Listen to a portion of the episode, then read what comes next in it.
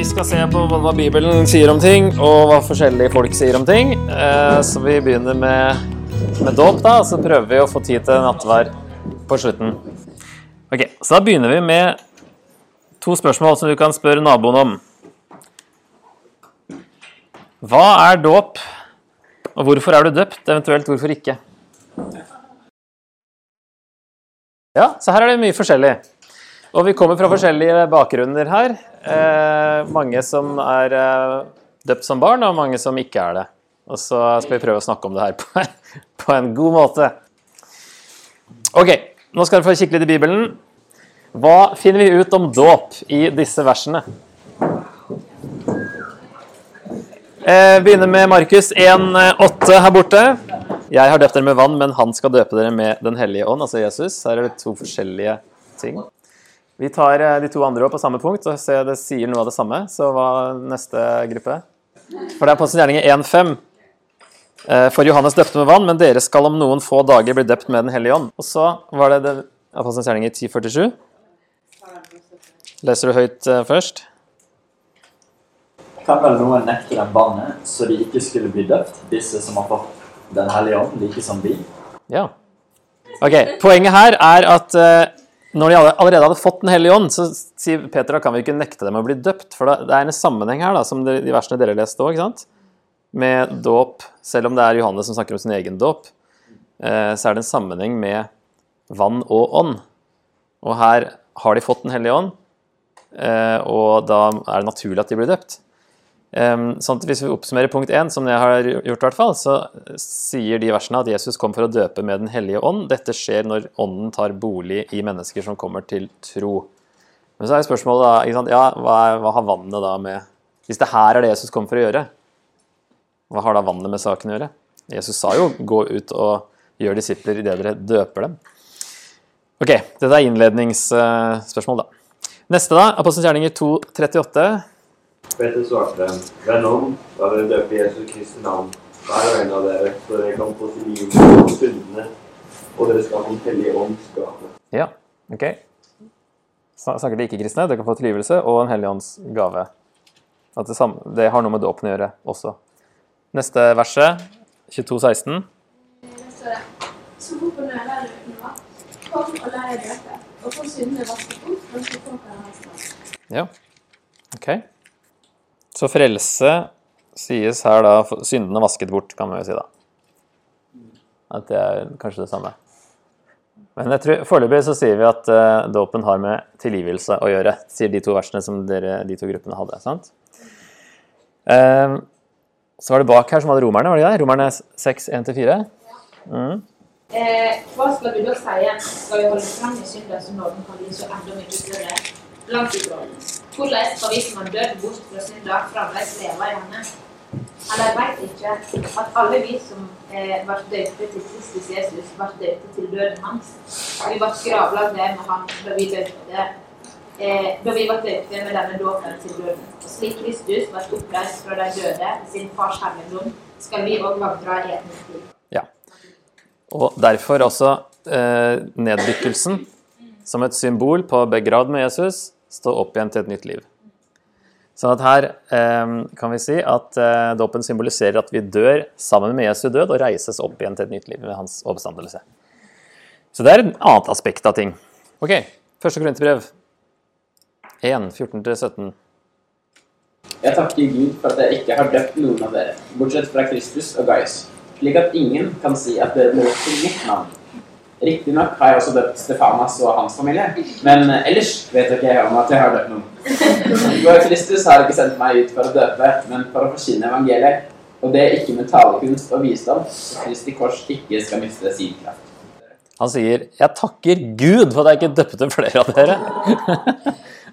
Mitt punkt er at dåp er ikke nødvendig for frelse. Da tror jeg Paulus ville eh, tatt det litt mer Vær sikker på at de ble døpt samtidig som at han hadde forkynt evangeliet. Men han overlot det til andre og dro videre. Det var ikke hans oppgave. Og når de har begynt å rose seg av de som han faktisk døpte, da, noen få, liksom, så må han snakke om det. Men når han sier 'jeg takker Gud for at jeg ikke døpte flere av dere', så får jeg det inntrykket. Men det er andre steder òg, da. Selvfølgelig. Bibelen sier jo hele tida at det er troen som frelser. Det er troen, ikke sant? Vi må huske på det. Det er ikke dåpen som frelser. Men det dåpen symboliserer, frelser. Vi går videre til neste. Efeserne 4. Hva står det om dåp der? Sett alt inn på å bevare åndens enhet, fordi det er én kropp, altså én menighet. Det er én ånd, ett håp, én Herre, én tro, én dåp. Ehm, det finnes bare én dåp. Sier ikke noe mer akkurat hva han mener om det, men det skal symbolisere den kristne enheten. Én en dåp, for det er enhet. Det er ikke mye forskjellige slags dåper. Men her er det forskjellig praksis. Men vi døper jo til Jesus, altså, sånn Jesus har sagt vi skal gjøre det. Faderen, Sønnen og Helligens navn. Men vi gjør det på forskjellige måter i forskjellige kontekster. Titus 3,5. Han frelste oss ved badet som gjenføder og fornyer ved Den hellige ånd. For her er spørsmålet er forskjellige tolkninger av dette verset her. Er det dåpen eller ånden som gjenføder og fornyer? Du sier at det er ånden som gjør det. Dåpen er et bilde på det. Mens eh, andre vil si at det er selve dåpshandlingen som fornyer og gjenføder. Så det er hvordan man tolker bl.a. det verset her. Ok. Dåpens eh, betydning. Skal vi se på noen eh, bibelvers. Kan vi finne ut mer da hva dåpen betyr? For det versen her har vi nå funnet litt. Men det er noen flere vers der det snakkes om dåp, og der det knyttes til hendelser i Gammeltestamentet. F.eks. flommen, som 1. Peter 3 bruker. Han sier den gang Gud ventet tålmodig mens arken ble bygd. I den ble noen få mennesker, åtte i alt, frelst gjennom vann. Dette er et bilde på dåpen, som nå frelser også dere. Dåpen er ikke å vaske kroppen ren for skitt, men en bønn til Gud om en god samvittighet i kraft av Jesu Kristi oppstandelse.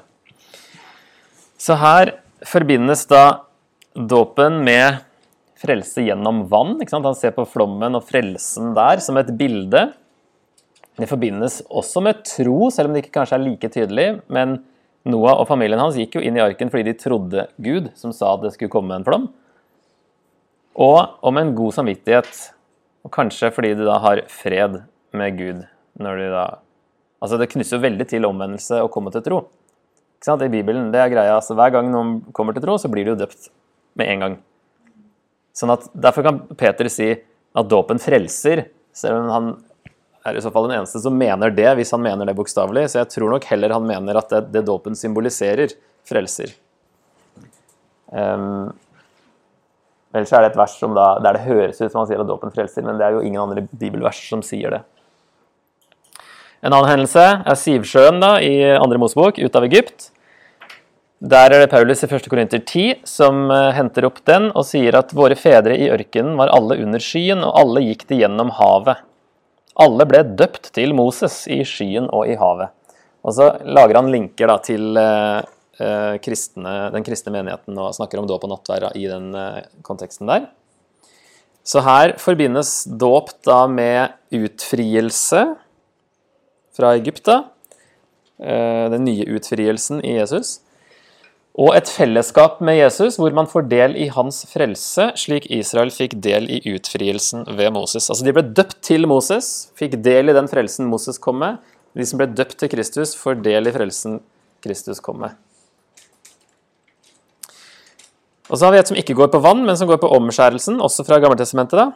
I Kolosserne 2 skriver Paulus at i ham ble også dere omskåret, men ikke av menneskehender. Dere ble omskåret med Kristi omskjærelse, da dere kledde av dere den kroppen som kjøttet har makten over. For i dåpen ble dere begravet med ham, det er jo samme som Romerne 6, da, og i den ble dere også reist opp med ham ved troen på Guds kraft, han som reiste Kristus opp fra de døde. Så her eh, Det er jo ikke alle som er enige om at omskjærelse og dåp eh, er så helt knytta sammen i det verset her. Men eh, men hvis man leser det sånn, da, at han knytter sammen omskjærelse og dåp for i dåpen, ikke sant? En, en sammenheng der med Kristi omskjærelse, så kan man si at dåp symboliserer den åndelige omskjærelsen som Jesus utfører, ved at vi legger av oss det gamle mennesket og kler på oss det nye i Jesus. Og da vil jo det bli det nye paktstegnet. Siden omskjærelse var det gamle paktstegn, så ser det ut som at Paulus lager en link her til dåpen er det nye paktstegnet. Ok, så da har det med vann å gjøre når de snakker om eh, ting, og så kan det òg knyttes til omskjærelse, da. Og som et paktstegn. Et tegn på at du tilhører den nye pakt. Og det gir jo mening. Ok, eh, hvis vi skal oppsummere da, dåpens betydning. Dåpen forbindes med tilgivelse, frelse og med å få Den hellige ånd. Den symboliserer vår åndelige død og oppstandelse med Jesus, og den er tegnet på at vi tilhører den nye pakt. Det tror jeg alle kan være enig i. Og så kommer vi da til ulike syn på dåp, og det må vi jo begynne å snakke om. Um, da vil jeg først si det Jesus sa i Johannes 13. Dere skal elske hverandre. Som jeg har elsket dere, skal dere elske hverandre. Ved dette skal alle forstå at dere er mine disipler, at dere har kjærlighet til hverandre. For både dåp og nattvær, ironisk nok, har blitt splittende. Fordi man har vært så opphengt i eh, hvilken tolkning som er rett. Ehm, så eh, her er det Jesus sier det aller viktigste er at dere elsker hverandre. Kan mene forskjellige ting, men elsk hverandre for det. Og en annen eh, god, eh, godt slagord å få med seg er The main things are the plain things, and the plain things are the main things. Det som er tydelig i Bibelen, er viktigst. Det som eh, er, og det som er viktig, er tydelig. Og så er ikke det her helt tydelig. Da er det kanskje ikke like viktig som at du er frelst ved tro. Det er veldig tydelig. Og mange andre ting er veldig tydelig. Så Bibelen sier tydelig at vi skal døpe, men den sier ikke tydelig hvordan. og Det er jo problemet. Derfor har vi forskjellig syn på det. Så da eh, tenkte jeg kanskje litt baklengs rekkefølge, men jeg tenkte å begynne med troendes dåp. Og så ta barnedåp etterpå, for det jeg tror jeg er lettest, egentlig. Prøv å legge fram de to eh, så godt eh, det lar seg gjøre objektivt. Og så eh, eh, skal vi se hva som Kanskje, kanskje få mer forståelse da, av hverandres syn. Så hvis vi begynner med det som kalles troendes dåp. det er jo ikke voksendåp, sier man, fordi man trenger jo ikke være voksen for å gjøre det, men at man har blitt gammel nok til å kunne være bevisst på sin egen tro. Så det er en, den troendes dåp. Vi ser noen bibelske argumenter for det. Eh, Misjonsbefalingen i Matteus da, gå derfor gjør alle folkeslag til disipler. Døp dem. Altså gjør disipler først, deretter døpe. Og Jesus sa ingenting om spedbarn.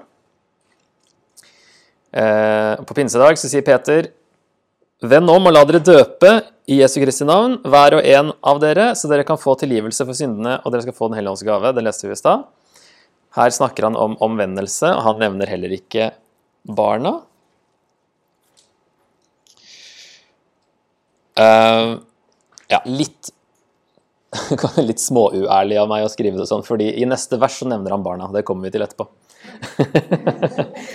så, men altså, det er ikke jeg som har funnet på de argumentene her. Jeg har jo henta dem inn, og det verset her ble jo brukt til støtte for dette synet. Ja.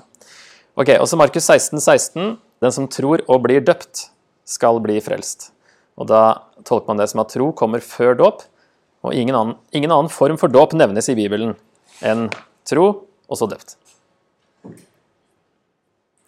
Og det er jo ikke så rart. Altså, alle er jo enige at i en misjonssetting så er det jo sånn man gjør det når man omvender seg for første gang.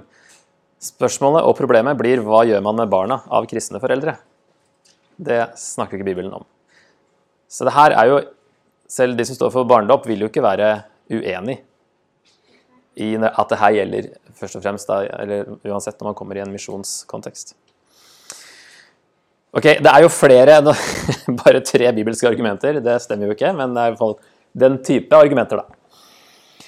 Så nå skal vi kikke litt på historiske argumenter. Er det at det er pakken som frelser?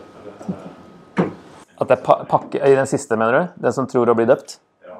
At det høres ut som at du må bli døpt for å bli frelst? Ja. ja. Det er noen som reagerer på at det brukes, for da okay, er du ikke, er du ikke frelst før du er døpt, da? Har du vært kristen i 20 år, og så døper du deg, og så du, har du ikke vært frelst før nå? Sånn, hvis du leser det sånn, så vil du jo gå imot veldig mye annet. da. Det er jo et argument at noen eh, vil jo være forsiktige med å bruke argumenter fra de tilleggene som kom senere. Jeg tror ikke folk som, som har det dåpssynet her heller, vil si at du, du ikke er frelst eh, før du er døpt. Så jeg tror nok ikke de leser det sånn uansett, da. Men det er jo noen som har reagert litt på det siste der. Ok, Historiske argumenter for dette synet er at vi har tydelige eksempler på at troendes dåp var vanlig i de første århundrene. Vi har ingen tydelige tegn på en praksis med å døpe barn på apostlenes tid.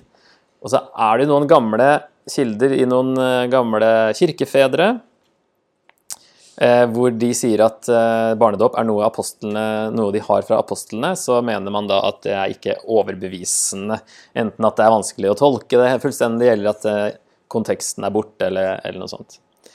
Um, eller kunne kanskje vært med som et ekstrapunkt, eller at et eller annet skjedde mellom apostlene og Altså i det andre århundret, da, på hundretallet, så var det et eller annet som snek seg inn eh, da barnedåp ble vanlig. Og så var det vanlig fra 200-tallet og utover, det vet vi. Men at et eller annet skjedde på hundretallet som ikke var i tråd med apostlene. da. Her kan man vite om det. Altså at, at barnedåppraksisen snek seg inn på hundretallet. Ja. Ja. Um, og at man da ofte hopper og bryr seg ikke om kirkehistorien, men går tilbake til første århundre. Det er det som gjelder. Hva gjorde de der? Kanskje noe skjedde på 100-tallet, sånn at på 200-tallet så døper de barn. De sier det er fra apostlene, men det stemmer ikke. Mener man da? Og så har man holdt på med det i altfor lang tid. Uh, ja. Og at det skjedde på 100-tallet, det var da det skjedde, liksom. Ja. Eh, nå har vi ikke snakka om barnedåp, men vi tar noen typiske svar på barnedåpvers som brukes. Når det snakkes flere ganger om at eh, folk ble døpt med hele sitt hus i Apostelens gjerninger, og også det vi leste i 1. Korinter 1 her i stad, så er det mulig det inkluderte småbarn, men vi kan ikke vite sikkert. Det er lite trolig at barna var til stede under forkynnelsen, og ingenting tyder på at spedbarn ble døpt. F.eks. sier Apostelens gjerninger 10.2 at hele Kornelius' hus fryktet Gud, og derfor blir de døpt i 11.14. Så det er litt sånn her, ja, det kan hende, men vi vet ikke. Og i forbindelse til omskjærelse vil man òg si at uh, den er ikke helt uh, 100% fordi uh, det gjelder bare gutter. Israel ble utvalgt, og alle var automatisk en del av Guds folk. Men i NT så er Guds folk ikke etnisk utvalgt, men åndelig. Så der er det en forskjell. Og at Gud ga tydelig bud om omskjærelse, men ikke om å døpe både gutter og jenter født av kristne foreldre. Så det er, jo, det er ikke like tydelig at, uh, hva man skal gjøre med at dåp da kan Man kan døpe spedbarn fordi man omskar spedbarn, uh, og det er et paktstegn og sånne ting, så vil noen ikke være helt overbevist om det. Ok, Da rekker vi å oppsummere. Dette synet her virker det for meg da, at uh, det synes best å døpe i tråd med hva NT sier. Det er sikrest å gå på det vi vet, ikke på hva som kan ha skjedd. er en forskjell fra barnedåpssyn, i hvert fall. At her holder man seg til bibeltekster som tydelig sier noe, og det er best å holde seg til det, og ikke spekulere i hva som kan ha skjedd innimellom linjene og utover i historien. Og så er også en, eh, et argument at eh, troendes dåp beskytter mot den misforståelsen at dåpen frelser fordi den symboliserer frelse. Men folk tror de er kristne fordi de er døpt og konfirmert. Så vil det, det her da eh, ja, jobbe imot den misforståelsen. Og da eh, ser man på dåp som først og fremst en symbolsk handling som tegn på ens personlige omvendelse. For det er også en forskjell. Hva er dåp? Er det symbolsk, eller er det ikke? Skjer det noe i dåpen, eller ikke? Er også da forskjellig ut fra hvilket dåpssyn man har. Så her vil det være først og fremst en symbolsk handling som man vil vise fordi man eh, velger å følge Jesus. Kanskje ikke omvendt der og da, men velger da som, ja, som en eh, en offentlig handling, på en måte. Eh, skal vi ta da eh, litt om barnedåp, og da kan det virke som det blir litt skeivt, men det, det, må liksom litt mer litt mer til, tror jeg. Det er ganske sånn innlysende å, å forstå argumentene fra, fra troendes dåp. Bibelen snakker tydelig om det, da gjør vi det. Eh, og så er det, må tenke på en litt annen måte, kanskje, når vi kommer til barnedåp. Eh, det er en litt annen tilnærming enn kun enkeltvers. Um, som da vi så kanskje var den vanlige måten for forrige syn. Uh, som åpning da, så kan man si at det er ingen direkte bud, men heller ingen forbud. Eh, Det kan godt ha skjedd da det ble døpt med hele sitt hus. Vi kommer tilbake til det. Eh, Og så er det da heller ingen episoder i NT hvor barn av kristne foreldre ble døpt med tronesdåp. Heller. Vi vet jo ikke hva de gjorde med barna. Så det står jo ikke at det er måten å døpe sine egne barn på heller. Så Bibelen er egentlig eh, ganske stille på dette temaet, mens vil jo da kanskje Når man snakker om hele sitt hus, så virker det som det hvert fall kanskje lener litt mer i den retningen, da. Men dette er bare åpning. Um, konkrete bibelvers er dette at barna har en spesiell plass. Når Jesus sier da at eh, han ble sint når de vil hindre barna, så sier han la de små barn komme til meg og hindre dem ikke. For Guds rike tilhører slike som dem. Sannelig sier dere, den som ikke tar imot Guds rike slik som et lite barn, skal ikke komme inn i det. Så her sier Jesus at vi må bli som barn for å komme inn i Guds rike, ikke at vi må bli som voksne.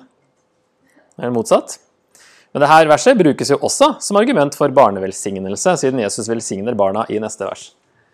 Eh, Så det her brukes av begge syn, da, det Jesus sier her.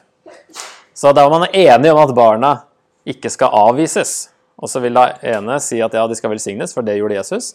Andre vil si at ja, men etter det så har Jesus bedt oss om å døpe, og da kan vi døpe dem, fordi de ikke skal bli avvist. Lukas 10,21 så sier eh, Jesus òg at eh, i samme stund jublet han i Den hellige ånd og sa, Jeg priser deg, Far, himmelens og jordens herre, fordi du har skjult dette for vise og forstandige, men åpenbart det for umyndige små. Ja, far, for dette var din gode vilje. Så eh, ikke snakk om eh, Vi vet ikke hvor gamle barn Jesus tenker på her, men det er altså de umyndige og små, deriblant barn, og at de ikke skal hindres, da. Ok. Eh, tredje punktet under bibelske argumenter er at i de GT-bildene som brukes, som vi så da, om dåp, så ser vi at Gud handler med familier kollektivt framfor individuelle personer. I 1. Peter 3 så er det hele Noas familie er med ham inn i arken. Det bildet som brukes på dåp der. I 1. Korinter 10 så er det hele Israel gikk gjennom havet. Og i Kolosserne 2, omskjærelse, så er det Abraham blir påbudt å omskjære alle mannlige medlemmer av sitt hus. Ehm, fordi man tenker kollektivt, og ikke individuelt. Ja, så det er altså punkt tre, da. Altså det er en kollektiv tanke. Som er annerledes enn det vi vanligvis tenker da, i vår kultur. Ehm, punkt fire er at barna inkluderes tydelig noen steder. Som i det her verset som da ikke var med i stad, Apostelens gjerninger 2, 38 og 39, så sier han, ikke sant, Venn om, la dere døpe i Jesu Kristi navn, være en av dere, så dere kan få tilgivelse for syndene, og dere skal få Den hellige ånds gave. For løftet gjelder dere og barna deres, og alle som er langt borte. Så mange som Herren vår Gud kaller på. Så noen tolker det som at eh, da er barna inkludert her. Eh, At det derfor er liten grunn til å tvile på at døpt med hele sitt hus ville inkludere alle barn som tilhørte familien.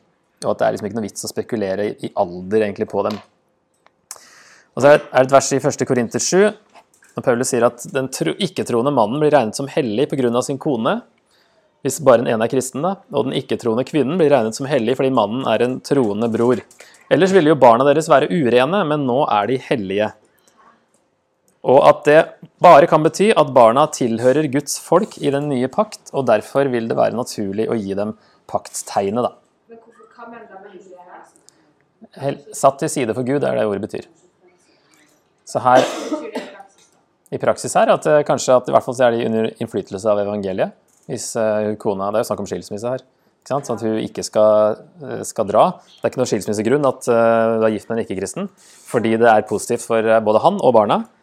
Og hvis, hadde hvis mannen da var den kristne, så ville han ha, i den kulturen ha innflytelse på å i så fall eh, døpe barna sine, selv om kona ikke trodde. Ok, vi må gå videre til historiske argumenter, for det er kanskje det som er mest interessant i det synet her. da. Eh, For her har kirkehistorien en verdi, ikke bare det første århundret. Men man ser liksom at man, man avfeier ikke alt da, mellom århundre og eh, reformasjonen. Eh, barnedåp er bekreftet så tidlig som av Ireneus, som levde da fra ca. 130 til 200 etter Kristus, med en referanse tilbake til apostlene. Han sier at dette er noe vi har fått fra apostlene. Og så blir det òg problematisk å si at alle etter det tok feil, helt til gjendøperbevegelsen på 1500-tallet. Um, som egentlig òg ble motarbeida av eh, reformatorene. For, som da, det var mye rart egentlig knytta til de gjendøperne, tydeligvis. Eller i hvert fall så var Luther og Calvin og de ganske uenige med at man skulle, trengte ikke å døpe seg på nytt igjen. eh, Når det da den bevegelsen oppsto på, på 1500-tallet. Jeg prøver å oppsummere. Bibelen sier ikke tydelig at barn av kristne foreldre skal døpes, men kirken har alltid ment dette. Dette er naturlig fordi Bibelens kultur er kollektiv framfor individualistisk. Siden de første kristne var jøder, ville det være naturlig for dem å la barna bli døpt, siden de kunne bli omskåret. Det er heller ikke nedskrevet i NT at noen lurte på dette. Ingen som spør Paulus, for. De spør Paulus om mye rart, men de spør ikke hva i all verden skal vi gjøre med barna våre. Det er et argument fra stillhet, men eh, i den konteksten her så gir det kanskje mening. Dette gir også mening fordi dåp ikke er et tegn på omvendelse og tro hos den døpte, men et paktstegn, og derfor tegnet på hva Gud har gjort for oss. Altså Det er ikke først og fremst en symbolsk handling som symboliserer din omvendelse, men i det synet her så er det hva Gud har gjort, det symboliserer. Og Derfor kan det gis til barn òg, og at det ville vært naturlig også for de første kristne å gjøre. Og så er det da ulike syn og liturgier på om det skjer noe i dåpen, om f.eks. arvesynden fjernes eller ikke, eller om frelse gis og Den hellige ånd gis. Det er forskjellige ting. Altså For eksempel Norske kirke så står det at den allmektige Gud har i dåpen gitt deg sin hellige ånd, født deg på ny og tatt deg inn i sin troende menighet. Og Det vil jo naturlig nok mange reagere på. Kan vi si det? At det har skjedd nå?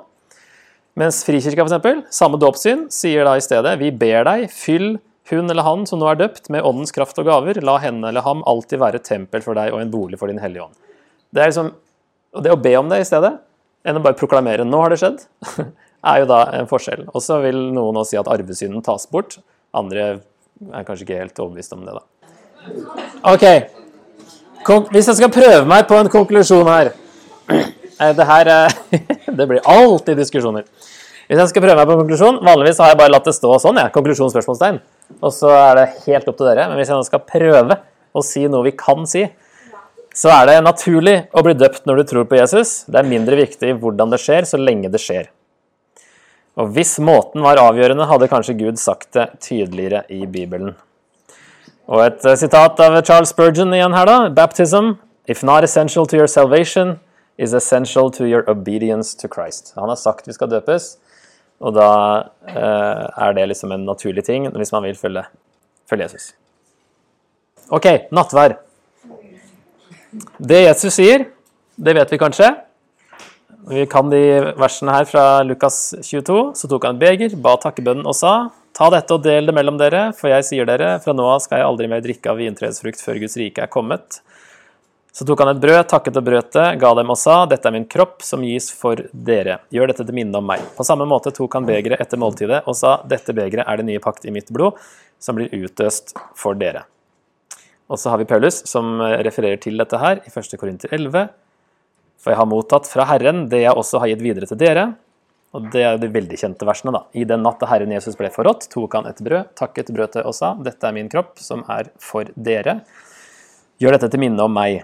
På samme måte tok han begeret etter måltidet og sa, dette begeret er det nye pakten i mitt blod, hver gang dere drikker av det, gjør det til minne om meg. For hver gang dere spiser av dette brødet og drikker av begeret, forkynner dere Herrens død helt til han kommer. Ok. Hvilket måltid er dette opprinnelig? Når Jesus og disiplene sitter der, så har de egentlig påskemåltidet. Yes. Så her er bakgrunnen fra Gammeltestamentet. Og hva var påskemåltidet til minne om? Utgangen fra Egypt, yes. Der eh, blodet fra påskelammet ble smurt på dørkarmene. Det var et tegn på at man hadde tro på det Gud hadde sagt det kom til å skje, og det reddet dem. Og det peker fram på Jesus, selvfølgelig. Både blod og påskelam og alt det der. Så hva betyr det da at Jesus sier 'gjør dette til minne om meg'? Når det egentlig er til minne om utgangen fra Egypt? Det, det, det er jo at dette, ja, det er oppfyllelsen. Han er påskelammet. Det er egentlig han det her pekte fram mot.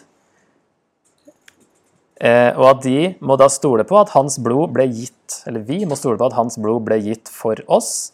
Det er tro som utfrir oss. Som en parallell da, til utfrielsen fra Egypt. Ordet påske kommer fra hebraisk pesach, og som engelsk oversettes passover, som da det betyr. At straffen går forbi oss fordi Jesus døde. Sånn som denne dødsengelen gikk forbi de dørene som hadde smurt blod. Så jødene så fram til en utfrielse i fremtiden ved Messias, som utgangen i Egypt pekte fram mot. Jesus er Messias og den de har ventet på. Det er det Jesus sier her. ikke sant? Jeg, nå er det oppfylt. Jeg er den som alt det her pekte fram mot. Frelsen i andre Mosebok, eh, den eh, pekte fram mot, mot meg, og det, det har skjedd nå. Så gjør nå dette måltidet her til minne om meg, i stedet for utgangen fra Egypt. Og så kan vi jo tenke at den første nattverd da, som de har her, når Jesus innstifter nattverden, tar postmåltidet, gir det et nytt innhold, og det blir til nattvær, så måtte jo den første nattvær være symbolsk, fordi punkt 1, Jesus var ikke død ennå. Det måtte jo være symbolsk for det han kom til å gjøre. Sant? Og to, påskemåltidet var allerede symbolsk. De hadde en lang liste med ting de gjorde som symboliserte ditten og datten. Og det var symbolsk De spiste usyra brød, ikke sant? Av det Andre Mosebok snakker om, at de skulle ikke ha tid til at det skulle gjære, så måtte ha usyra, altså uten gjær, da. Eh, Fordi de skulle være klar til å reise når som helst. Ikke sant? Så det var, det var symbolsk allerede. Og det må vi ta med oss da når vi skal snakke om nattvær. At eh, det tyder på at helt fra starten var tenkt symbolsk. Ok, Det vi har å gå på, syns jeg, da, tydeligst, er eh, 1. Korinter 10 og 11, der eh, Paulus snakker om nattvær. Der han gir oss fire hensikter med nattvær. Nattvær gir oss del i Jesus og hans kropp, som da er menigheten, sier han i kapittel 10. Og sier han det er til minne om Jesus, de versene vi leste, og at vi forkynner hans død og gjenkomst, og at det skal symbolisere menighetens enhet. Og Her er det snakk om eh, splittelse, at eh, måltidet har ført til splittelse fordi de ikke venter på hverandre og eh, ikke har det sammen. Så Paulus sier at har, dette er skikkelig alvorlig. Dere har snudd det helt på hodet. Det skal være et, et måltid som symboliserer at vi alle er en del av Jesu kropp. Og så har dere gjort, bruker det til å splitte i stedet. Så det er litt ironisk. Og det har det jo også ført til i kirkehistorien. Ført til splittelse. Ja, yay for kirkehistorien. Der har skjedd mye rart. Eh, ja, nattvær er jo fra norrønt, da betyr kveldsmåltid. Så egentlig var det på kvelden, som vi leser om, men på 100-tallet så hadde da nattverden blitt flytta til morgengudstjenesten og dermed tatt ut av sin måltidskontekst. Allerede så tidlig så hadde det blitt mer sånn som vi har det i dag, kanskje. Kanskje ikke med oblater på samme måte, da. Men eh, at det ble liksom ikke en kveldskontekst, da. Og mindre måltid enn det egentlig var. Så da var det ikke lenger et måltid, men bare brød og vin ble beholdt. Men egentlig så var det jo så mye måltid at i Korint så kunne det føre til, eh, eller hadde det ført til at det hadde blitt en fyllefest. At de hadde tatt det altfor langt. Ehm, Så tydelig en måltidskontekst, egentlig. Og det her har det vært veldig mye bråk om da, i kirkehistorien. Eh, Det katolske synet først. Så var det en på 800-tallet som het Radbertus, som mente at det skjer et mirakel under innstiftelsesordene, at elementene forvandles til Jesu faktiske kropp og blod. Og det ble i 1215 vedtatt som denne transubstansiasjonslæren. Eh, det vil si Hva sa du? Jeg måtte se, har jeg skrevet det rett nå? Det var vanskelig å få til. Eh, Det vil si at det sanselige forblir det samme. altså Det, det er fortsatt eh, Det kjennes og smakes eh, si, fortsatt som brød og, og vin. Men substansen, den indre essensen kanskje, har blitt endra og blir, altså forandres til Jesu fysiske kropp og blod. Og at nattvær er et offer til Gud, ble også vedtatt da, i denne sammenhengen. Og det er jo lenge før Martin Luther, som kom på 1500-tallet, som eh, han blant andre, da, men som begynte å reagere på det her, men også Wycliffe, John Wycliffe, som da Wycliffe eh, bibeloversetter er oppkalt etter, eh, fordi han oversatte Bibelen fra latin til engelsk den gangen, så man kunne få lest den. Men han var en av de første som begynte, og det var på 1300-tallet, tror jeg, som begynte å reagere mot denne læren her, da. Martin Luther da, kommer 1483, ble han født, døde 1546. Han gikk imot tre ting. Det ene var at um, folket ikke fikk del i begeret, de fikk bare brødet. Fordi vi skulle forhindre at man eh, søla vin, så fikk de ikke del i, i, eh, i begeret. Så det gikk han imot. Han mente at alle måtte få begge deler. Og han gikk også imot det her at elementene ble endret. Mest av alt så reagerte han mot at dette at nattverden er et offer. Og eh, det var viktigst for han egentlig det, fordi hvis presten hevder å ofre Jesu faktiske kropp og blod til Gud som en gjentagelse av offeret på korset, så er det liksom en blasfemi hver uke, mente Luther da. Og Han ville ikke spekulere i hvordan Kristus var til stede, men mente at innstiftelsesordene førte til det han kalte for den sakramentale forening. At altså brødet, og, brødet var brød og Jesu kropp samtidig, på en eller annen måte. Vinen var vin og Jesu blod samtidig. Uten at han Jeg får ikke tak i hva han mener egentlig ut, utover det. Han fant på et nytt ord. Ja. Det er en eller annen forening som skjer. Men eh, han, han synes det var Jeg er enig med Luther at han syns det var uh, altfor mye filosofi inni det her å spekulere på hvordan, hva som skjer. Men det han sier, eller det denne augsburgske bekjennelsen sier, som er liksom det som ble formulert, ikke av Luther sjøl, men av en av hans eh, disipler, så står det at Kristi legeme og blod er i sannhet til stede. Og hva det mer enn det vil bety, det, det vet jeg ikke. Han vil vel ikke si at det endres, da, at substansen endres, men at um, på en eller annen måte så er det virker som han likevel tror det skjer noe spesielt i at man leser de ordene. Ikke sant? Og da, nå er det blitt forent. Nå er brødet også Jesu legeme. Jeg syns det blir veldig filosofisk og rart uansett, det, de eh, tingene her. Men dette er bare ett syn, da, som da luthersk tradisjon holder seg til. Det var et par andre reformatorer òg, en som het Zwingli, som levde ganske samtidig som Luther. Han var eh, sveitsisk reformator, som sammen med Calvin regnes som grunnlegger av den reformerte kirke.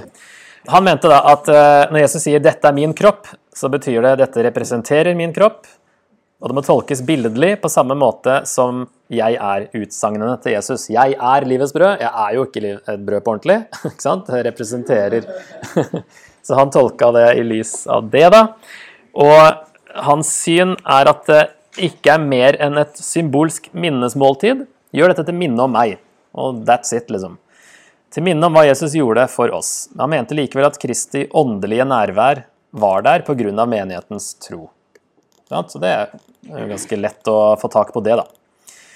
Eh, og at nattvær er verdifullt det skulle vært to l-er der, ser jeg, pga. det den betyr. At det betyr fellesskap med Kristus for styrke og fellesskap med andre for enhet. Og så spretter visst det synet her seg veldig fort, og man tenker da kanskje fordi mange egentlig trodde dette her, og så ble han en som turte å si det høyt. og så var mange plutselig enig. Så her er det bare et minnesmåltid. Så han, en samtidig med Luther, en av de andre reformatorene, som da hadde en helt annen oppfatning. Så kommer Calvin samtidig, da. Han, dette kan virke som en slags mellomting mellom Luther og Zwingli, men er egentlig ganske uavhengig. Han var delvis enig med Luther at Jesus virkelig er til stede. Uenig med Zwingli at det bare er et minnesmåltid. Så han mente det at det er symbolsk, men symbolene bringer Kristi nærvær til oss. Vi mottar virkelig Jesu kropp og blod, men på en åndelig måte. Og ikke vet jeg hva som er forskjellen på det og Luther sitt, egentlig. Eh, at det er noe åndelig Altså, hvor konkret er Jesus til stede, er vel eh, spørsmålet, kanskje. Er det at essensen endres? Er det at det er samtidig Jesu blod og brød? Nei, vin og kropp og, og, og brød? Eh, er det bare til minne om han, men han er der likevel fordi vi er samla i tro? Eller er det en eller annen spesiell åndelig måte vi får Jesu nærvær på? Så det var liksom litt sånn drypp fra den tida. Hvis vi skal prøve å konkludere på dette her, da, så er det et, sånn som Paulus sier i hvert fall, så er det et måltid til minne om at Jesus døde for oss, og at han kommer tilbake, og som skal symbolisere menighetens enhet som hans kropp. Det må vi i hvert fall holde oss til.